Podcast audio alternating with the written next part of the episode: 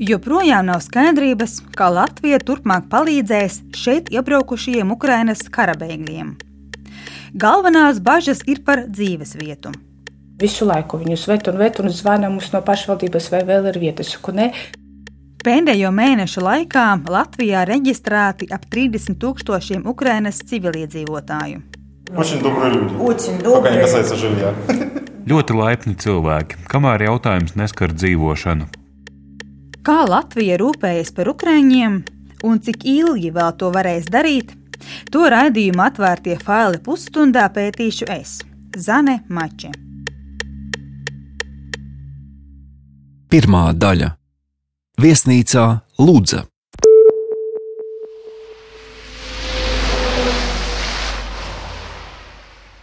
Caur Lūdzu vijas ceļš Rīga Maskava. Blakus ir lielākais robežu kontroles punkts Terehova un Griebņevas robežu punkts. Tāpēc Lūdza ir kļuvusi par sava veida pitstopu tiem ukrāņiem, kuri no kara drošībā mūk caur Krieviju.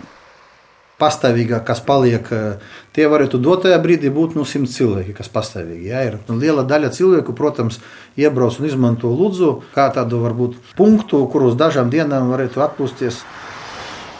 Sarunājamies ar Ludus novara domas priekšsādātāju vietnieku no ZZS, bijušo robežsargu valdi Maslovski. Brīvu īres dzīvokļu Ludzā un tās apkārtnē ļoti maz.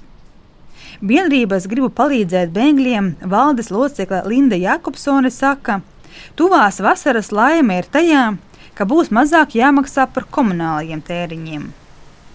Vasaras nelaime tie cilvēki, kuriem ir viesu nami vai viesnīcas un tur izmitināti bēgļi, nu sāks skatīties maksātspējīgo turistu virzienā.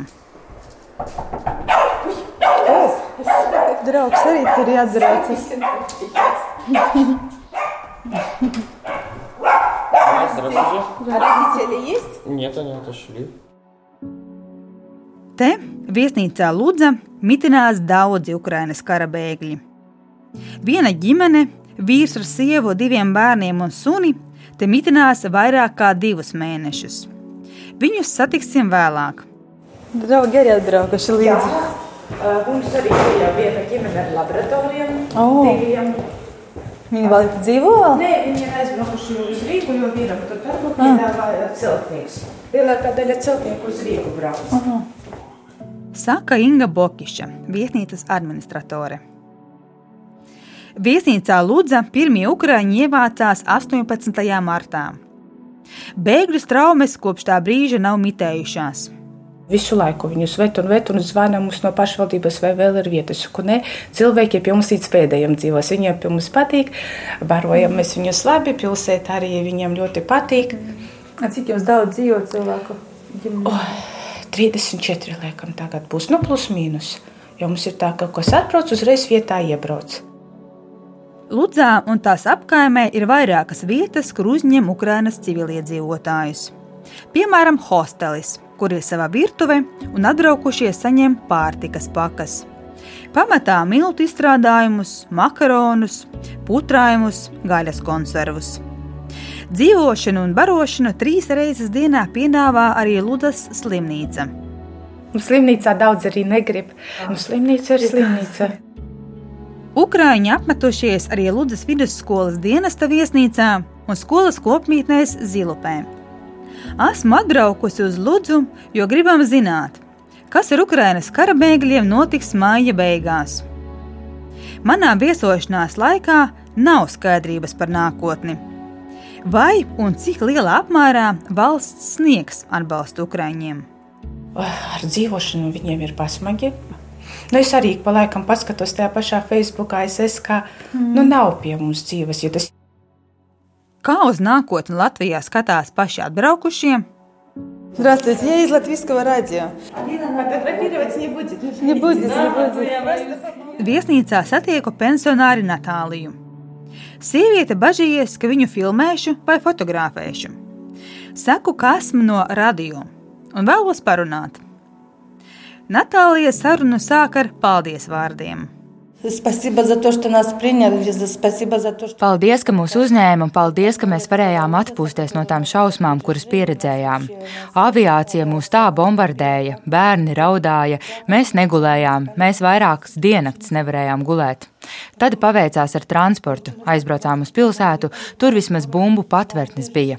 Bet laukos tās bija šausmas, ne dienu, ne nakti nebija miera. Tagad jau esam atkal pieraduši pie klusuma. Bet sākumā bija mašīna skaļāk brauc, uzreiz galvā nesaprotamas domas un bail atkal. Natālija ir no Ukrainas austrumiem, Harkivas apgabala pilsētas Balakļijas. Viņa stāsta, ka pilsēta ir pilnībā okupēta. Вокруг города стоят наши, готовятся к контрнаступлению. Apkārt pilsētai stāv mūsējie, gatavojas pretuzbrukumam, bet, kad viņu atbrīvos, kā tālāk tur viss attīstīsies, nav zināms. Šobrīd tur nevar ne iebraukt, ne izbraukt. Pēdējie oficiālie dati rāda, ka līdz šim Latvijā reģistrēti ap 30 tūkstošiem Ukrainas civiliedzīvotāju. Lielākajai daļai izsniegti uzturēšanās dokumenti ar tiesībām uz darbu, Gandrīz trešdaļai izmitināšanu nodrošina ar pašvaldību civilās aizsardzības komisiju starpniecību. Kad viesojos Ludzā, valsts atbalsts bēgļiem mājokļu apmaksai un ēdināšanai draud beigties. Valsts apņēmusies šīs pamatvajadzības sekt 90 dienas. Šonadēļ šis laiks pagarināts par vēl 30 dienām. Pēc tam cilvēkiem jāspēj pašiem nostāties uz savām kājām atrast darbu, atrast dzīves vietu. Tūlīt ātri paskatīšu, cik mums strādā. 1, 2, 3, 4, 5, 6, 7. Laikam viena trešā strādā. Mm -hmm. Jā, tā kā nu, nav jau tā, ka pavisam slikti, kas grib, tas atrod. Par viesnīcas lūdza iemītniekiem saka tās menedžere. Taču izrādās, ka Ukrāņu gadījumā darbs negarantē māju vietu. Нам вот, допустим, остался тут только месяц уже проживания, и мы даже не знаем, куда нам дальше идти. Mums ir palicis mēnesis, cik ilgi varam te dzīvot, un mēs nezinām, kur tad mums tālāk iet. Mēs interesējamies par dzīvokļiem, bet nelabprāt. Cilvēki saka, ka gaida kaut kādu programmu, kuras laikā viņiem būs atbalsts par to, ka viņi mums izīrē dzīvokļus. Natālija runā par programmu, kuras laikā valsts maksās privātpersonām par dzīvokļu izīrēšanu Ukraiņiem. Ukrāņu izmitinātāji jau var pieteikties kompensācijām, taču ar praktisko pieteikšanos ir neliela aizķeršanās. Kompensācija ir 100 eiro mēnesī par pirmo izmitināto cilvēku, 50 eiro mēnesī par katru nākamo. Maksimālā summa ir 300 eiro mēnesī. Attiecība maisaimniecībai pienāksies neilgāk kā 90 dienas. Tas ir viens no atbalstiem, kurš ir skaidrs. Bet vai to aktīvi izmantos? Programmas dalībnieks nevarēs prasīt no Ukrāņiem īres maksu vai komunālo tēriņu samaksāšanu. Vienkārši izīrējot dzīvokli, cilvēks var nopelnīt, bet šajā programmā peļņa visticamāk nespīd. Labi, ja valsts piedāvātā summa noseks komunālos tēriņus. Lūdzā gan nav arī ko īrēt. Malam apšķirot, nu, da, dzirka, mala. Jā, maz, bet saka, ka Rīgā vispār viss jau ar ukrāņiem ir aizpildīts. Tur vēl grūtāk atrast kā šeit. Izīrētāji grib slēgt īres līgumus vismaz uz gadu, un izvirza vēl citas ukrāņiem grūti izpildāmas prasības. Ох, Мы, мы не то, что не хотим, мы просто в неизвестности. Nav tā, ka mēs negribam, mēs vienkārši esam neziņā. Mums, protams, pēc iespējas ātrāk gribas atgriezties mājās, bet mēs nezinām, kad tas viss beigsies. Дети пошли работать. э, Lai gan bērni sāka strādāt, darba līgumus noslēdza, nodokļus maksā, deklarējās nodokļu inspekcijā. Bet cik ilgi mēs te paliksim, nezinu. Varbūt arī uz gadu te paliksim. Natālijas abu meitu vīri atraduši darbu. Viens turpat Ludzā, otrs Malnavā. Tagad viņi cer uz dzīvokli. Sešu cilvēku lielā ģimene samierinātos arī ar vienistabas dzīvokli. Lai tik sienas būtu. Arī Anna, kura dzīvo Natālijai kaimiņos, blakus istabiņā, sarunu sāk ar pateicību – Daudz. Mūs sagaidīja šeit, Latvijā, ļoti labi. Mēs divas nedēļas Belgorodā dzīvojām. Belgorodā ir pilsēta Krievijā, apmēram 40 km no Ukrainas.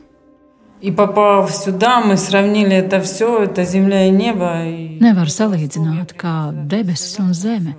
Es atbraucu uz šejieni, vienā sasarās man bija morāli grūti. Te visi palīdzēja, un mēs esam ļoti pateicīgi. Anna ar ģimeni Ludzā ieradās 31. martā. Mums okupācija bija no pirmās dienas. Visus mūsējos tikai Belgorodas virzienā veda. Mums nebija citas iespējas, un pamatā tās bija ģimenes ar bērniem. Arī Anna ieradās no Harkivas amagabala Cirkuni pilsētas. Sieviete stāsta, ka Ukrainas karaspēks pilsētu atbrīvojas, bet tur joprojām nav droši. Daudzas mājas ir iznīcinātas. Pagaidām nav kur atgriezties. Ņemot vērā Krievijas tuvumu, cilvēki baidās, ka iebrucējs var pārgrupēties un atkal uzbrukt. Но возвращаться туда опасно, там боевые действия. Tur ir ļoti nedroši. Viņas vīrs ir atradis darbu Rīgā. Darba devējs ierādījis kopmītnes istabiņu, Anna ar bērniem ir Ludzā. Arī viņai tuvojas valsts noteiktā atbalsta beigas. Jā, te ar dzīvokļiem ļoti grūti. Tikko atrodam, nākamajā dienā aizbraucam skatīties un saka, ka viss, esot jau izīrēts. Viņas bērni apmeklē bērnu dārzu Ludzā. Anna saka, ka pati bērnu dēļ darbu meklēt vēl nevar. Kāds saslimst, tad jāpaliek ar viņu mājās. Мужья, конечно, будут работать, потому что нужно. Это мужская обязанность. Vīri var strādāt, tas ir vīriešu pienākums. Kad bērni pieradīs pie jauniem apstākļiem, ģimene atradīs dzīves vietu, tad darbu meklēs arī Anna. Да, по странам мы ездить не собираемся, потому что... Uz citām valstīm braukt negribas. Mums šī valsts patīk, jo te krievalodīgo ir daudz.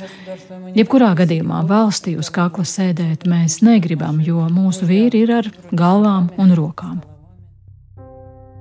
Mēs sarunājamies viesnīcas koridorā. Natālija saka, ka viņai jāsteidzas uz latviešu valodas stundu. Viņa apmeklē nodarbinātības valsts aģentūras kursus. Jautāju, vai valodu viegli mācīties? Поэтому стараюсь, как бы, занимаюсь, чтобы как бы не хуже всех. Cenšos, lai nebūtu sliktākā grupā. Vārdus jau dažus saprotu, teikuma jēgu saprotu. Natālija ir prom, bet uz sarunu koridorā pievienojas Ukrāņu pāris. Ziniet, pie jums te ir tā, vienā pilsētā ir māja vieta pieejama, bet otrā pilsētā ir darba vieta. Bet atrast tā, lai vienā vietā abas lietas sakristu, ir ļoti grūti.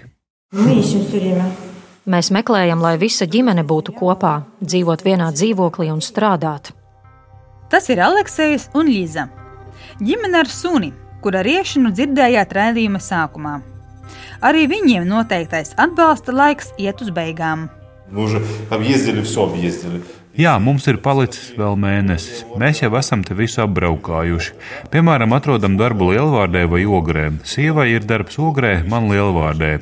Šajā rajonā mēs meklējam sev dzīves vietu. Pagaidām nekā. It kā tukši dzīvokļi ir, bet mums neizīrē. Ну и такой еще момент, допустим, я звоню, говорю, что Ir vēl tā, es zvanu un prasu, vai izīrē dzīvokli. Atbild, ka izīrē. Es saku, ka mēs četri cilvēki. Bērni jau lieli, dēls students, otrs bērns 9. klasi beigs. Viņi dzird mūsu akcentu un viss. Uzreiz atklājas, ka dzīvoklis jau ir izīrēts, nav pieejams. Pāris ir neizpratnē, kāpēc cilvēki Latvijā, kuri visādi citādi par tukrāņu bēgļiem ir ļoti laipni un izpalīdzīgi, negrib izīrēt viņiem dzīvokļus.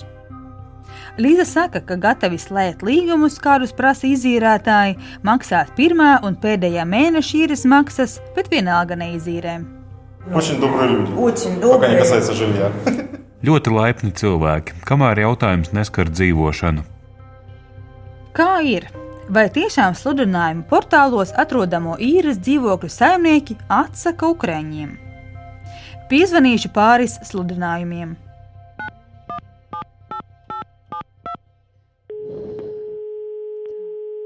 Oskars, lūdzu. Labdien! Labdien! Sakiet, jūs izīrējat dzīvoklī.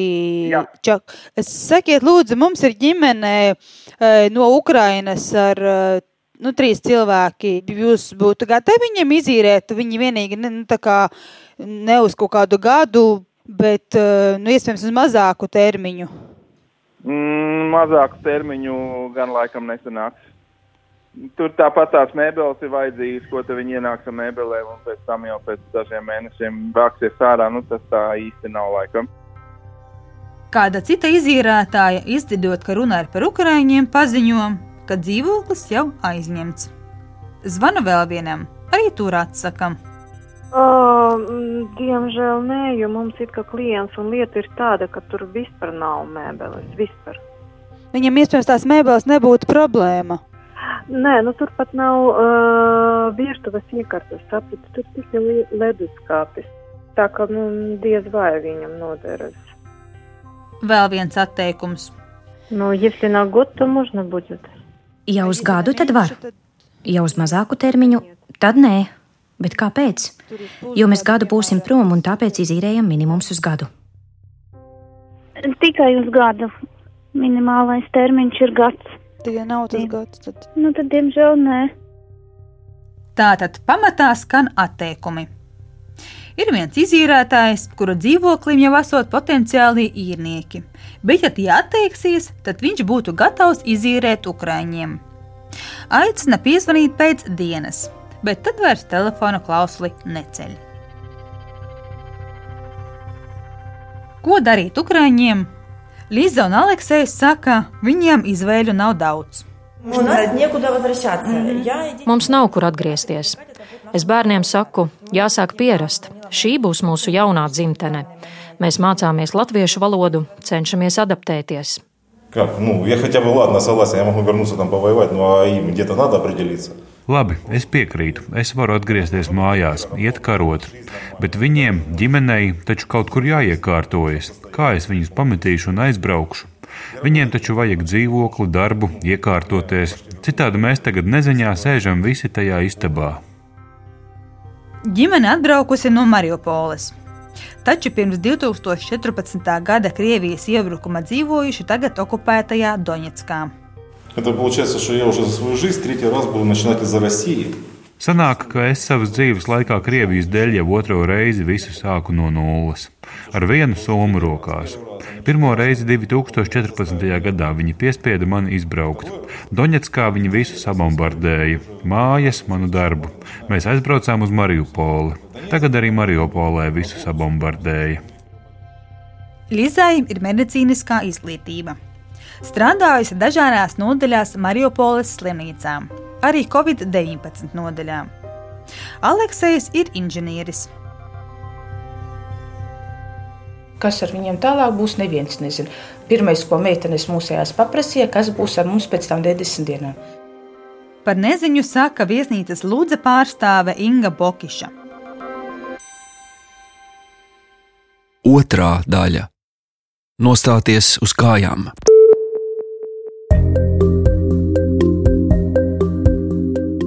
Sākotnēji plānoja pie mums uzņemt desmit tūkstošus Ukrainas bēgļu. Nebija skaidrības, kā karš attīstīsies. Marta beigās nu jau amatu zaudējusi iekšlietu ministre Marija Golubeva no attīstībai par medijiem sacīja, ka top plāns, lai varētu uzņemt 40 tūkstošus ukrāņu civiliedzīvotāju. Ministras plāns bija Ukraiņas civiliedzīvotāji, kas brauc pie mums, tiks pārdalīts starp pašvaldībām lai viss lokus nav Rīgai un galvaspilsētai tuvumā esošām pilsētām. Biedrības gribu palīdzēt bēgļiem valdes locekle Linda Jākopsone, kuru satiekam vecajā RTU ēkā ierīkotajā bēgļu centrā pie Rātslaukuma saka. Šobrīd situācija ir stabila, taču uztraukums ir par nākotni. Latvija šobrīd ļoti labi tiek galā. Neviens neguļ skolas aktu zālēs, neviens neguļ kā teikt, kaut kādās piemērotās telpās un tam līdzīgi. Tā kā līdz šim liekas, mēs esam parādījuši, ka mēs tiešām tiekam galā nu, ar grūtībām. Jā, tieši tā. Pirmajā fāzē, manuprāt, viss ir, nu, nav izcili, protams, bet ir ļoti labi. Ieraksti biedrības Facebook lapā vēlreiz apliecina, ka tieši mājokļa jautājums ir problēma, kas cilvēkus nomāca. Ir cilvēki, kas saka, ka viņi ir zvanījuši uz 100 sludinājumiem vai 50 sludinājumiem, un tāpat viņiem nav bijis nu, tas pozitīvs, nu, pozitīvs atbalsts. Tāpēc, kad ir arī maza izpratne par to, kāpēc cilvēks negrib īrēt, piemēram, uz gadu, bet cilvēki negrib īrēt uz gadu, jo viņiem ir pārliecība, ka viņi tūlīt, tūlīt atgriezīsies. Un tas ir loģiski un saprotami. Jākopsone saka, nav arī zināms precīzi to cilvēku skaits, kuri dzīvo pie radiem vai draugiem, un kad viņi prasīs palīdzību. Ja viņš ir ieradies, pieņemsim, februāra beigās vai marta sākumā un dzīvo pie radiem un draugiem, tad cik ilgi viņš nu, dzīvos uz kakla kādam? Nu, vismaz sajūtu līmenī, es domāju, ka daudz cilvēku gribētu dzīvot, nu, paši nostāties uz savām kājām, tie, kas var. Viņas kolēģi Evija Strupiša saka, ka Ukrāņi, gluži kā ik viens Latvijas iedzīvotājs, var lūgt pašvaldībām mājokļu pabalstu. Ar to var sekt īri komunālos maksājumus. Tas, kas organizāciju uztrauc, jau tagad paiet ilgs laiks, līdz Ukrāņi pabalstus saņem. Tad ir jautājums par to, vai varbūt viņam ir izdevies atrast to īres vietu, varbūt vēl kaut kas ir. Vai viņš gan ātri saņems to atbalstu mājokļa sekšanai, vai tomēr viņam ir jādomā piemēram par pirmā mēneša izmaksām, kas viņam iespējams būs jāsaka no savas skavas. Mazākās pašvaldībās tas varētu notikt ātri. Lielākās pašvaldībās, kur ir šīs rindas un uh, kur sociālai dienesti jau gadiem ilgi strādājuši uz izdegšanas robežas, šis ir nu, papildus ievērojams sloks. Un uh, nav pārliecības, ka tas cilvēks savā 90. dienā varēs saņemt to īsto atbalstu, lai varētu nodrošināt savu tālāku dzīvošanu. Jākopsone atgādina, atteikums izīrēt izcelsmes dēļ arī ir diskriminācija. Godīgi sakot, arī tas ir pret patērētāju tiesībām eh, nu, neīrēt, neizīrēt dzīvokli, piemēram, Ukraiņas civiliedzīvotājiem, eh, tāpēc, ka tas ir Ukraiņas civiliedzīvotājs. Ir skaidrs, ka no kara mūkošos traumas tik drīz neapsīks. Lūdza tam ir piemērs.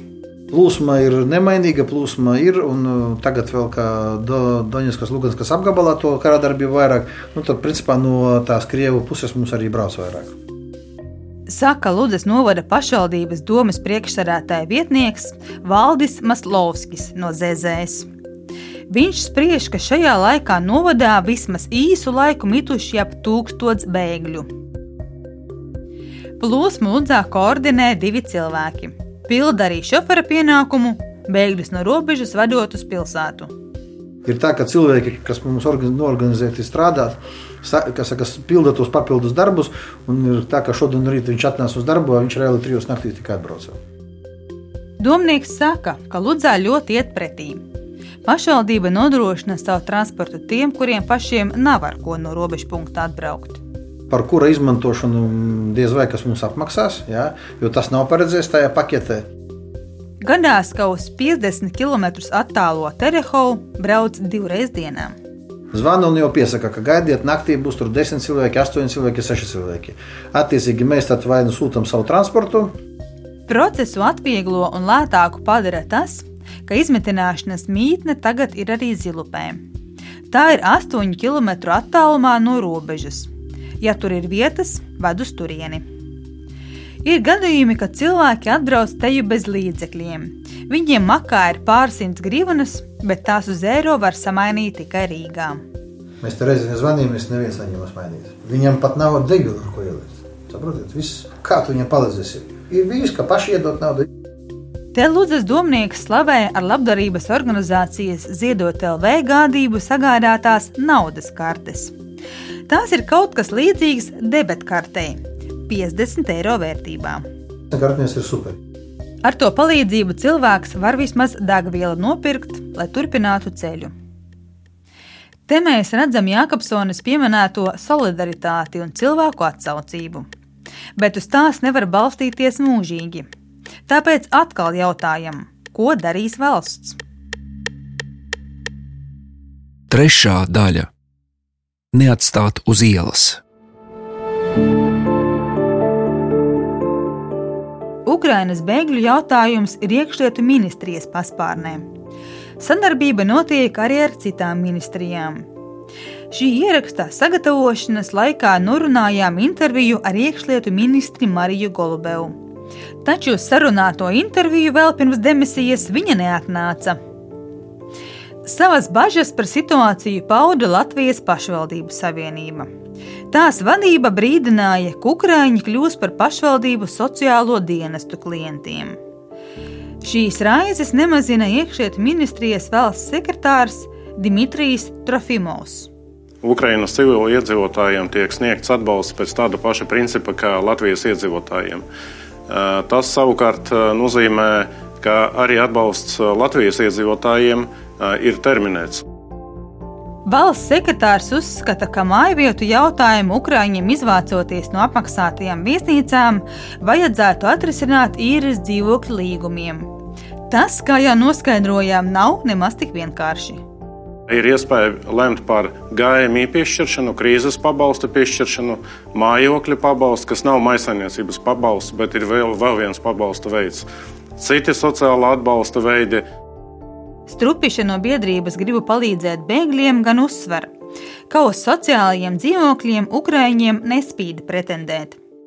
Strupiša, kura pirms tam daudzus gadus strādāja sociālajā dienestā, saka, rindas ir pat piecus gadus garas. Vai raidījumā uzrunātajiem viesnīcas lūdza iemītniekiem Annai, Lizai, Aleksējam un Natālijai izdosies atrast jaunu māju vietu, neviens garantēt nevar. Pašvaldības domnieks Maslovskis gan mierina, ka vismaz ar ēdināšanu nebūs tik traki. Pašvaldība gatava nodrošināt pārtikas pakas, lai arī mazākas. Kā būs ar uh, dzīvošanas izmitināšanu? Te ir jārunā Viņš atzīmē, ka novadā ir slēgtas skolas, kur ārkārtas gadījumā cilvēkus izmitināt. Taču tās ir telpas, kuras dzīvošanai nav piemērotas bez pārbūves, jo, piemēram, nav dušu. Maslovskis domā, ka tik tālu neaizies. Nedomāju, ka valdība ies uz tādu soli, lai pēc kaut kāda mēneša, jā, tur, nu, teiksim, kaut kādu 1. jūliju, tagad visi būs ārpus borta un nekas netiks sniegs. Tikmēr biedrība grib palīdzēt bēgļiem, ir vērsusies pie premjera Krišāņa Kariņa no jaunās vienotības, prasot nepieļaut, ka Ukrāņi Latvijā paliek uz ielas. Valdība reaģēja, pagarinot atbalstu par 30 dienām. Premjeras arī aicināja iekšlietu ministriju daudz intensīvāk strādāt pie Ukrainas bēgļu jautājuma koordinācijas. Tomēr iekšlietu ministra pienākumus pildošais Artis Pabriks no attīstībai pāra pārmetumus noraidījis. Es domāju, ka ministra prezidentam būtu bijis jāsaprot, ka koordinācijas starp dažādām ministrijām ir ļoti grūti izdarīt vienā līmenī stāvošām ministrijām. Nu, mums nav tādas autoritātes. Bet, eh, lai arī es uzskatu, ka šeit premjeras ar savu analīzi kļūdās, es varu ar prieku arī jums pateikt, ka mēs savu darbu esam izdarījuši. Neviens gan nevar pateikt, ka karš Ukrainā beigsies pēc 90 vai 120 dienām, un Ukrāņu atgriešanās dzimtenē pēkšņi kļūs iespējama. Tāpēc jautājums par drošu un stabilu atbalstu no kara bēgošajiem cilvēkiem aizvien paliek neatrisināts. Šobrīd atbalsta sniegšanas periods strauji tuvojas beigām. Ne tikai Ludzās satiktajiem, bet arī daudzām citām ukrāņu ģimenēm Latvijā. Natālija, kuru satikām viesnīcā Ludza, joprojām nezaudē optimismu un paļaujas uz latviešu izpalīdzīgumu, kādu ukrāņi pieredzējuši līdz šim. Es domāju, uz ielas mūs neizmetīs, uz soliņa neatstās. Kaut kā palīdzēs. Varbūt pagarinās iespēju te palikt, varbūt palīdzēs atrast citu vietu. Raidījumu veidoja Zane Mače, Filips Lastovskis un Reinis Budze. Atvērtie faili! Latvijas radio jauna lietotne, ziņas, mūzika, 200 dažādu raidījumu un visu Latvijas radio kanālu tiešraides. Radi pats savu radio. Veido savu raidījumu atskaņošanas sarakstu. Mēs tikai ieteiksim to, ko vērts nepalaist garām. Latvijas radio lietotni meklē App Store vai Google Play. Lejupielādē to savā telefonā un klausies Latvijas radio saturu savērtā laikā un vietā. Latvijas radio lietotne pieejama bez maksas un reklāmām. Latvijas radio veicina kritisko domāšanu un saturīgu brīvā laika pavadīšanu.